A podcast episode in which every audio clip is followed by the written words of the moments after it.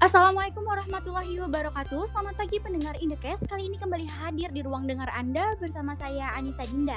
Informasi menarik sudah kami siapkan Untuk menemani suasana pagi Anda Selama 5 menit ke depan. Wah pagi ini kelihatan cerah ya. Matahari jauh lebih bersemangat nih Daripada kamu yang masih rebahan di pagi ini. Oke di pagi yang cerah ini Semoga kita bisa menjalankan aktivitas dengan berbahagia dan segala kesulitannya dipermudah. Yang sedang di jalan hati-hati, yang sedang kuliah online semoga tetap bersemangat di pagi ini. Seperti biasa nih, di setiap hari Senin dan Selasa pukul 10 waktu Indonesia Barat, kita ada di segmen Bantai, bincang-bincang santai. Nah, Bantai kali ini aku nggak bakal sendiri, karena aku ditemenin sama dua mahasiswa kece dari Universitas Islam Negeri Sumatera Utara buat ngasih tahu ke kalian sebenarnya apa sih yang mereka alami semenjak adanya COVID-19. Nah, saya sudah terhubung oleh dua orang uh, bernama Banu Harista dan Fitria Marpaung. Nah, halo Banu, halo Fitri, sudah terhubung? Halo Dinda, sudah terhubung. Oke, Fitri gimana? Halo Fitri, sudah terhubung? Ya, sudah terhubung. Hmm, baiklah. Nah, aku nih mau tanya-tanya nih sedikit uh, ke kalian. Uh, dari Banu dulu ya mungkin uh, apa sih Nuh perbedaan secara signifikan nih uh, selama COVID-19 terjadi nih? Nah, Oke, okay, baik Dinda. Mm -hmm. Terlebih dahulu izinkan saya memperkenalkan diri sekaligus di mana saya tinggal gitu ya, biar enak bincang-bincangnya tentang pendapat saya.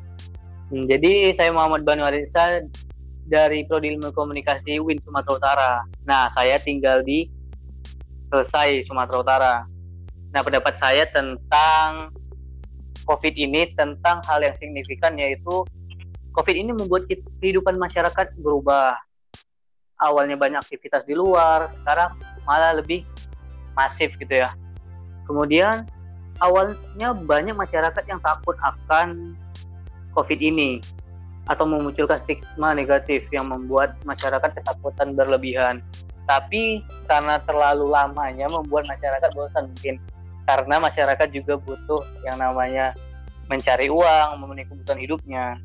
Kemudian waktu berputar terasa cepat karena banyak di rumah. Ya tak terasa hampir hmm, hampir setahun kita di rumah aja. Apalagi khusus mahasiswa ya, kebanyakan di rumah juga membuat otak kita tuh bosen, buntu gitu hmm, kemudian banyak toko tempat wisata yang ditutup ataupun tempat-tempat yang lain yang membuat kita sulit untuk hmm, membeli kebutuhan kita mungkin itu aja sih Dinda dari saya Hmm, wah, banyak ya berarti perbedaan secara signifikan yang terjadi. Mungkin nih pemirsa yang ada di sini juga ngerasain hal hal yang sama seperti Banu nih.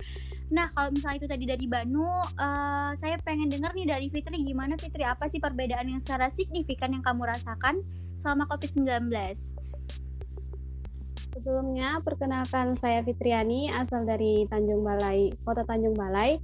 Um, perbedaan secara signifikan setelah terjadinya COVID itu uh, misalnya sosialisasi berkurang. Uh, banyak dari kita itu uh, yang biasanya keluar rumah, nongkrong-nongkrong sama kawan, sekarang harus di rumah aja gitu.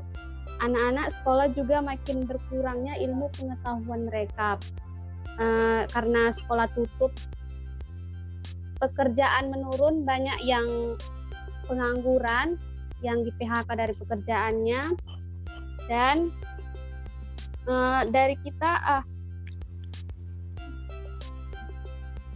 se apa itu uh, teman-teman pas saat bersin gitu ya kan langsung langsung deh karena kalau bersin di depan umum langsung bilang ih covid gitu itu sih perbedaannya Oke, nah kalau misalnya tadi berbicara tentang perbedaan yang signifikan, nah sekarang berbicara tentang apalagi kalian ini mahasiswa nih, pasti belajarnya itu secara daring dong. Nah pengen tahu dong apa sih kendala kalian selama belajar daring nih? Hmm, dari Bandung dulu deh boleh. Oke, okay. okay, baik Dinda. Kalau okay. untuk kendala kuliah daring itu tentunya pasti ya jaringan. Apalagi yang rumahnya pelosok-pelosok ini kan payah jaringannya. Terus paket Telkomsel itu kan mahal ya kan. Hmm, terus ya itu tadi paket internet boros. Saya terhitung dalam satu bulan mungkin bisa menghabiskan sekitar 50 giga ya untuk kuliah daring. Tapi yang nggak untuk kuliah daring aja sih. Intinya lebih boros selama kuliah daring ini kemudian tidak bisa mini riset. Nah apalagi kita untuk kuliah jurusan ilmu komunikasi ini ya riset-riset ataupun kuliah di lapangan itu hal yang sangat penting gitu untuk jurusan kita kan. Tanpa itu mungkin kayaknya ilmu komunikasi ini kebanyakan teori juga kurang bagus karena kan pada dasarnya jurusan ilmu komunikasi kita ini banyak praktiknya gitu banyak praktik di lapangan. Mungkin itu aja Dinda. Saya kembalikan Oke, terima kasih Banu. Kalau dari Fitri gimana nih? Apa nih kendalanya selama kuliah daring?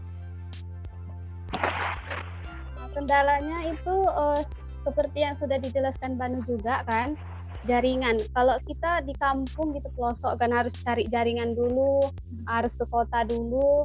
Uh, terus uh, biaya itu tadi yang berat sih buat orang-orang yang pendapatannya menengah ke bawah gitu. Ya udah gitu aja sih. Oke, kayaknya nih suara pendengar nih sudah diwakilkan oleh Banu dan Fitri nih untuk mahasiswa ataupun pelajar yang sedang melaksanakan pembelajaran daring. Nah, kalau misalnya tadi kita cerita tentang dampak buruk, kemudian kendala, terus ada nggak nih kira-kira dampak positif dari COVID-19? Dari hmm, Fitri dulu deh, boleh jelasin mungkin ada dampak positif yang dirasain?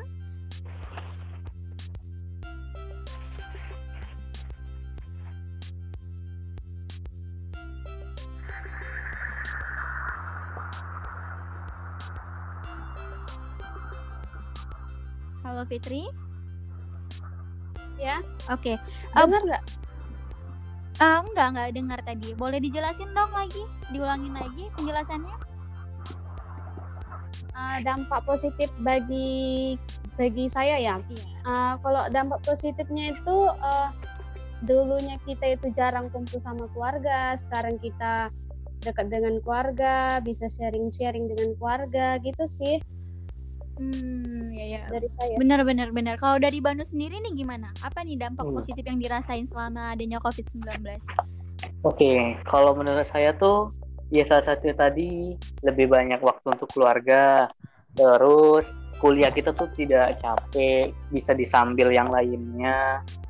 Kemudian tidak boros bensin juga bagi saya karena rumah saya ke kampus itu sekitar 35 km. Wow. Jadi mungkin lebih irit gitu ya itu tadi lah mungkin.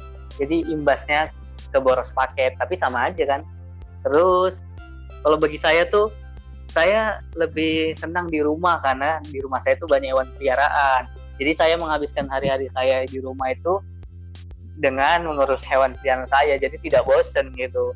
Nah, hmm. kemudian ya itu tadi dari melihara hewan saya me mendapatkan duit gitu. Jadi intinya bagi saya lebih condong ke dampak positifnya sih COVID ini. Saya lebih senang di rumah. Mungkin hanya itu sih Dinda. Oke, terima kasih nih jawaban Banu cukup menarik ya walaupun dia tertimpa musibah tapi dia malah tetap bersyukur gitu karena uh, lebih produktif dan jauh lebih menghasilkan ya Banu. Oke, nah kalau tadi kita udah berbincang-bincang soal dampak buruk, dampak baiknya. Nah, sekarang harapan deh apa sih harapan kalian nih ke depannya setelah COVID ini mungkin um, berakhir apa uh, boleh dong ceritain uh, apa harapan-harapan kalian ke depannya? Um, dari Banu dulu deh boleh jelasin? Oke okay. harapan dari saya ya tentunya covid ini cepat berlalu. Hmm, biar kita aktivitas kita lancar seperti biasanya kuliah kita tetap muka. Karena udah rindu juga kan sama teman-teman kuliah yang lain.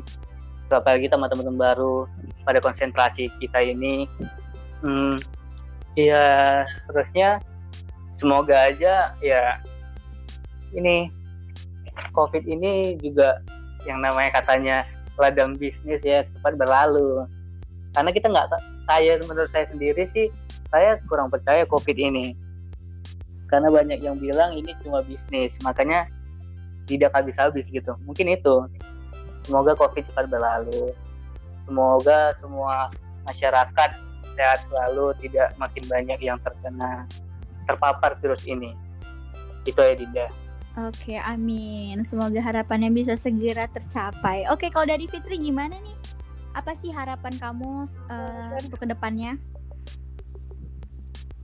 Kalau dari saya sih seperti yang dikatakan Banu tadi, uh, teruskan uh, harapan saya itu supaya uh, semoga kan uh, seperti orang yang bisa jualan berdagang gitu jadi susah berdagang jadi semoga bisa dilancarkan lagi ekonominya itu aja sih Amin, amin, amin. Semoga doa-doa kita semuanya tercapai. Nah, mungkin yeah. Iya. uh, sampai situ dulu uh, bantai kita bersama Banu dan Fitri kali ini. Terima kasih kepada Banu dan Fitri atas waktu dan kesempatannya. Semoga kita bisa bertemu nih secara tetap muka ya, nggak daring lagi seperti ini. Oke. Okay. Amin. Sampai jumpa teman-teman semua. Oke. Okay. Sampai okay, jumpa. jumpa. Nah, cukup sekian Indekes dalam Bantai Bincang-Bincang Santai edisi hari ini. Besok aku bakal balik lagi di program yang sama dan di jam yang sama tentunya di Indekes, informasi dalam podcast. Dan pesan dari aku hari ini, tetap jaga imunitas tubuh dengan berolahraga dan makan makanan yang sehat. Juga tetap patuhi protokol kesehatan ya. Semoga COVID-19 cepat berakhir segera. Oke deh, sampai sini saja kebersamaan kita untuk hari ini. Aku pamit undur diri. Maaf bila ada salah-salah kata. Selamat pagi dan wassalamualaikum warahmatullahi wabarakatuh.